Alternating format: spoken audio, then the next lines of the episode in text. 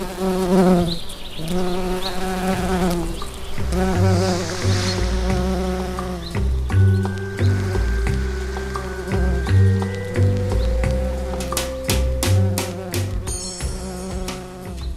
är hemma från Harjavalta, uppvuxen i en positivt tänkande familj med mamma, pappa och en bror som alltid har stått mig nära. Och bagaget för livet packade en flitig och stark kvinna, min mor, som har lärt mig bland annat att jämställdhet är självklart. Och att jobbar man tillräckligt med sina målsättningar kan man komma hur långt som helst. Och en uppfinningsrik far som alltid har haft en stark vilja att lösa problem. Bra packat. Och alltid har de funnits där för mig och stött mig i ur och skur. Jag är kläddesigner Maria Rak från Jakobstad och det är jag som är er sommarpratare idag. Redan som ung hade jag en stark drift att uppleva nya saker. Jag jobbade hårt på försomrarna och i mitten av juli stack jag på interrail. Mot det okända, utan något riktigt specifikt mål. Fullständigt fantastiskt sätt att lära sig känna Europa. Det skulle jag gärna unna också dagens ungdomar. Och inte fanns det ju mobiltelefoner på den tiden heller. Ringde väl hem ett par gånger under månaden. Och tänk så bra det gick. En annan passion för mig var att spela trumpet i två olika blåsorkestrar. Härliga människor och rolig stämning. Oförglömliga resor till våra nordiska grannländer. Sommarlägrar i Partaharju och alla möjliga tillställningar på hemorten där vi skulle uppträda. Allt från koaffärens invigning till krigsveteranernas årsfest. Och vid alla tillfällen spelade vi väl först. Och sist. Nu för tiden får jag nöja mig att läsa deckare. Ju grymmare storyn, desto lugnare känns egna vardagen. Men sen, då jag har mera tid igen, då ska jag ta nya tag med min trumpet. Jag kan egentligen inte låta bli att plocka fram en låt som har varit med under hela min tid som blåsare och som jag själv har spelat otagliga gånger. Låten har även fått smeknamnet Makkaramarsi och det blir väl en värdig öppning för mitt sommarprat. Jag är Maria Rak, kläddesigner, bosatt i Jakobstad med min man Jonas och våra tre barn. Matilda 18, Elvira 15 och Erik 6 år. Och förstås med det fjärde barnet Nolan, vårt gemensamma företag som ganska långt bestämmer takten i vårt liv. Till min utbildning är jag konstmagister och kläddesigner fastän de 18 sista åren som företagare måste klassas mera som en livsstil än som ett yrke. Jag har studerat vid Konstindustriella högskolan i Helsingfors, nuvarande Aalto-universitet. Där jag också träffade Jonas, min kära make och bästa vän, arbetskompis och företagspartner.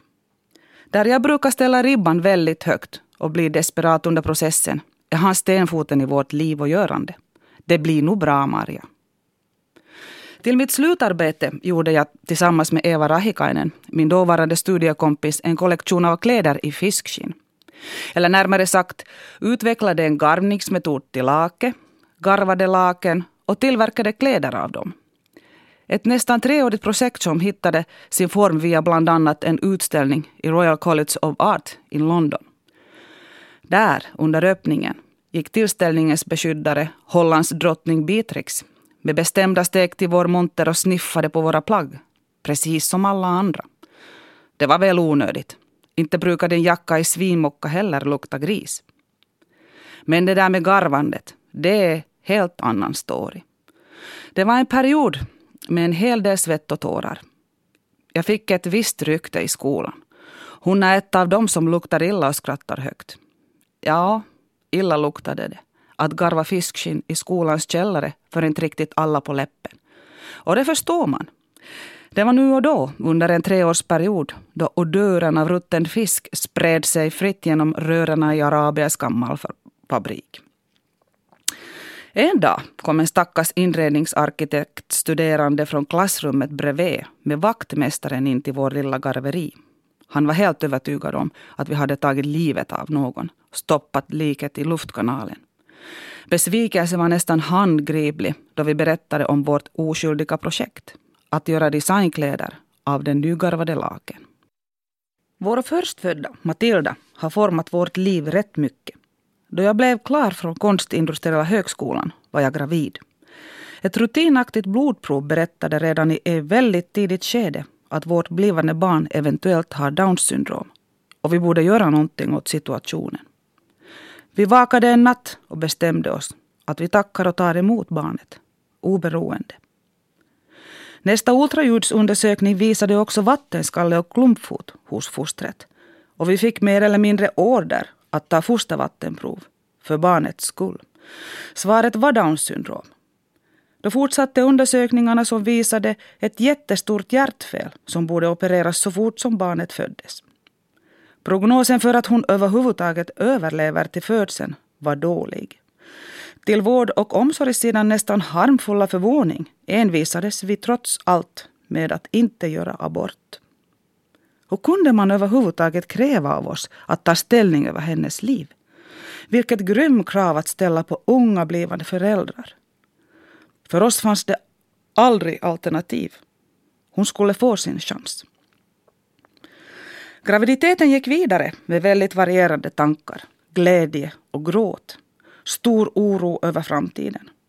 Vauva-tidningarna med sina idealistiska artiklar om hur underbart det är att vara gravid och bara njuta av tiden. De flög längst in i hörnet. Vi hade fått låna en bok om Downs syndrom med bilder på gamla Downgubbar utan tänder med vilsna ögon. Så såg framtiden ut emellanåt, i de svaga stunderna. Tills svärfar konstaterade att ni väntar ju en liten flicka, ingen gammal gubbe. Och en god vän och Matildas blivande gudmor sa en gång åt mig. Marja, du kommer att vara så stolt över henne och älska henne så innerligt mycket, trots syndromet. Du får se. Och så rätt hon hade. En fredagskväll i februari hade vi tänkt oss filmmaraton och hyrt mina favoritfilmer. Stjärnornas krig, Rymimperiet slår tillbaka och Jedis återkomst. Alla tre. Mitt i filmtimen fick jag en stark känsla, som ett sjätte sinne på något sätt. Att allt var inte riktigt bra där i magen. De tog emot oss på jouren vid kvinnokliniken. Navelsträngen hade lindat sig runt halsen. Pulsen var svag. Efter ett akut kejsarsnitt var hon plötsligt där. Trots oddsen pigg och lurvig som en liten apa. Så gullig. Fast det fick jag veta först nästa morgon. Jag var ju nedsövd. Jonas hade ett polaroidfoto som bevisade att hon fanns på intensiven. På andra sidan av den långa underjordiska gången. Född i graviditetsvecka 30, tio veckor för tidigt. Vikten var hela 940 gram. Men ingen klumpfot eller stort hjärtfel. Ingen vattenskalle heller att prata om. Hon levde sina första veckor på barnkliniken. Klarade sig otroligt bra efter omständigheterna. Och vi var så glada över henne. Vi bara på något vis visste att hon skulle komma att fixa det. Därav vi delvis kom namnet Matilda. Vilket betyder en mäktig kämpe. Jag sydde små klänningar och mössor åt henne. Sådana storlekar skulle inte ha funnits att köpa heller. Trots livet i en kuvös fick vi bada henne. Hon rymdes i en handflata.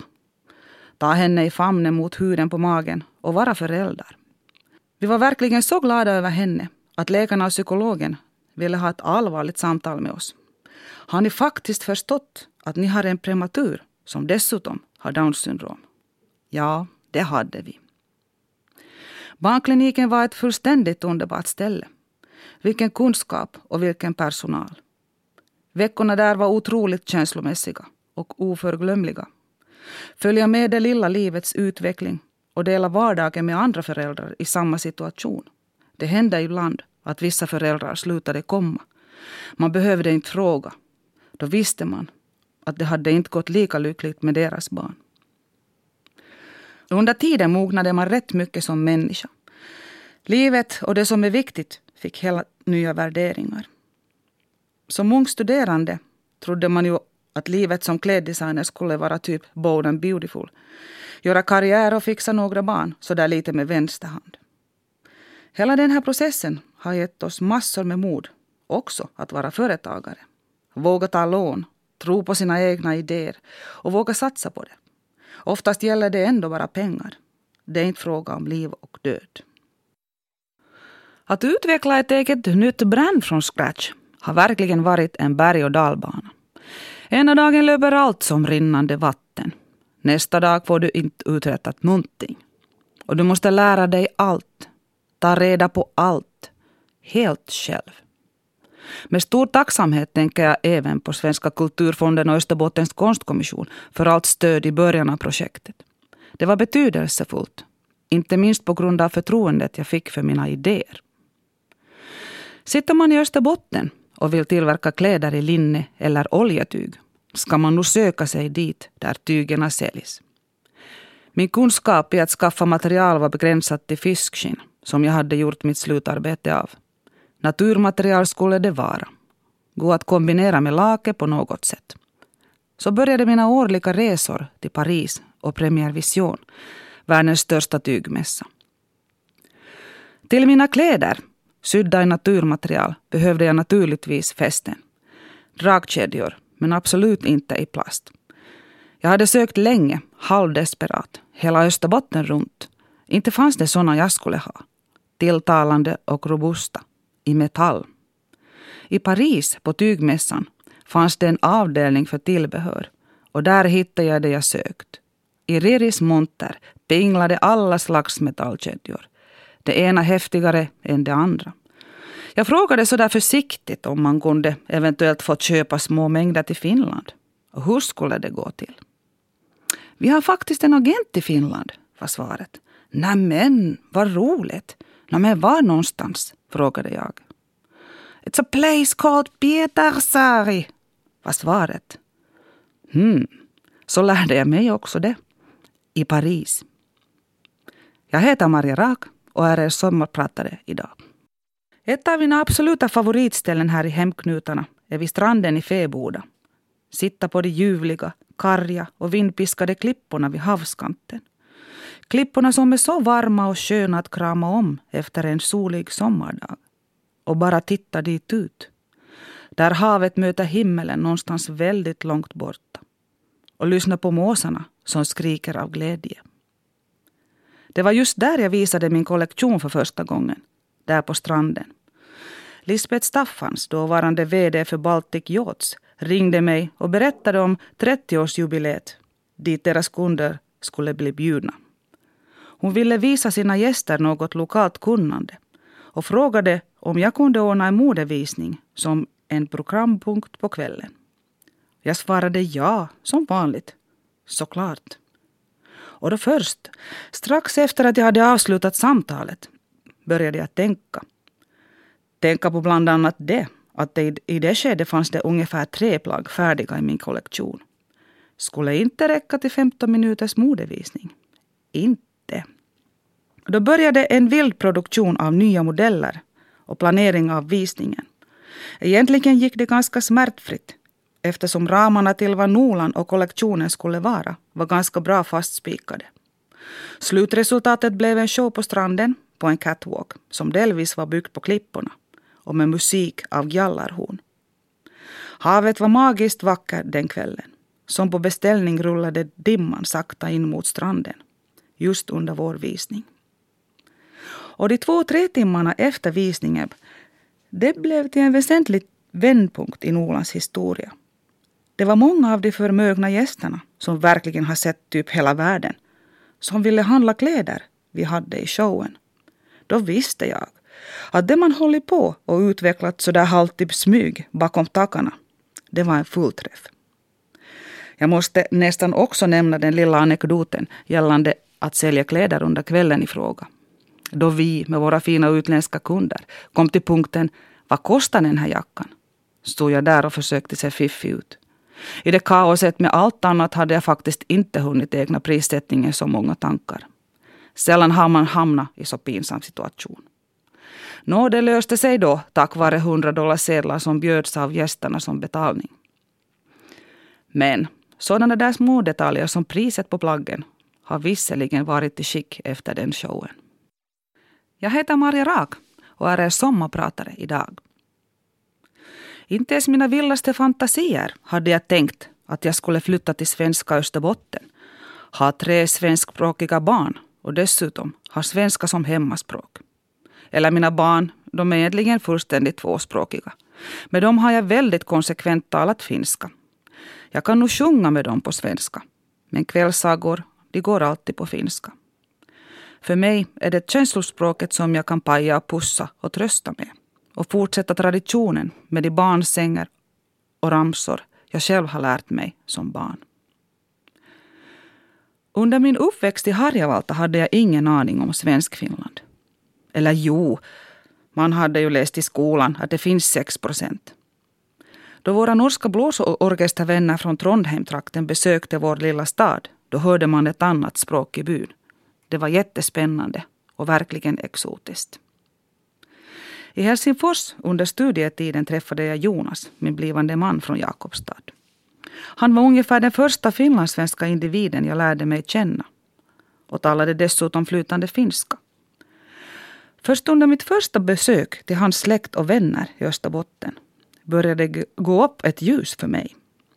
Det här med finlandssvenskar, det är inte något låtsas. Det är i största grad på riktigt. Efter att jag hade träffat Jonas farmor insåg jag att ifall jag vill umgås med denna härliga dam ska det nog gå på svenska. Då blev ett beslut. Jag och Jonas ska prata varannan dag svenska, varannan dag finska. Väldigt effektivt. Jag kan rekommendera det varmt. Fast de första månaderna skulle jag helst vilja ha en påse över huvudet och gömma mig. Under de svenska dagarna såklart. Jag var ju nykär och pratade hans språk så klumpigt och fel. Men så gick det till, ungefär två år. Och efter det beslutade vi att byta hemmaspråket helt till svenska. Eftersom vi bodde i Helsingfors och nästan hela omgivningen var väldigt finsk. Och det naturliga språkbadet fortsatte då vi flyttade till Nykarleby, där vi bodde de första åren. Finska hörde man nästan aldrig. Och inte visserligen så mycket svenska heller. Det var nykabispråket som gällt här. Jag tycker det är fullständigt fascinerande att nästan varje by här i Kustösterbotten har sin lokala dialekt kvar. Vilken rikedom! Jag har faktiskt jättesvårt att förstå mig på den här språkstriden som konstant är igång här i nejden. Tvångsseparering och avundsjuka. Istället kunde man ta vara på alla de möjligheter och hela den potential denna tvåspråkiga miljön har att ge. Har aldrig hört om en människa som skulle ha fått någon form av skada av att kunna mer än ett språk. Dessutom kommer en annan sak på köpet. Alla kulturella skillnader mellan de olika språkgrupperna. Jag fick bekanta mig med snapsvisor och pikkalaka och har fått konstatera att på de mindre orterna i svensk Finland håller man faktiskt mycket mera reda på släkt och vänner. Man känner, eller åtminstone känner till, sina pysslingar och sysslingar och umgås på ett helt annat sätt. Vi har fått ett härligt gäng med vänner under tiden vi har bott i Jakobstad. Vi träffas ofta och tio gånger av tio gör vi mat tillsammans. Och alla är med. Det finns en hel del barn i vårt sällskap och bordet är vanligtvis dukat för ett tjugotal personer. Man behöver inte dessutom städa för det heller. Alla tar någonting med sig och tillvaron, det är viktigast. I både glädje och sorg. Och då man sitter i trädgården under vårt äppelträd på sommarkvällarna dyker det vanligtvis upp någon genom person och joinar. Helt underbart. Tack för att ni finns. Att vara designer och företagare innebär för mig att få styra kosan exakt vart man vill bestämma över sina arbetstider och ledigheter, göra sina egna beslut och förverkliga sin dröm. Vilken underbar frihet!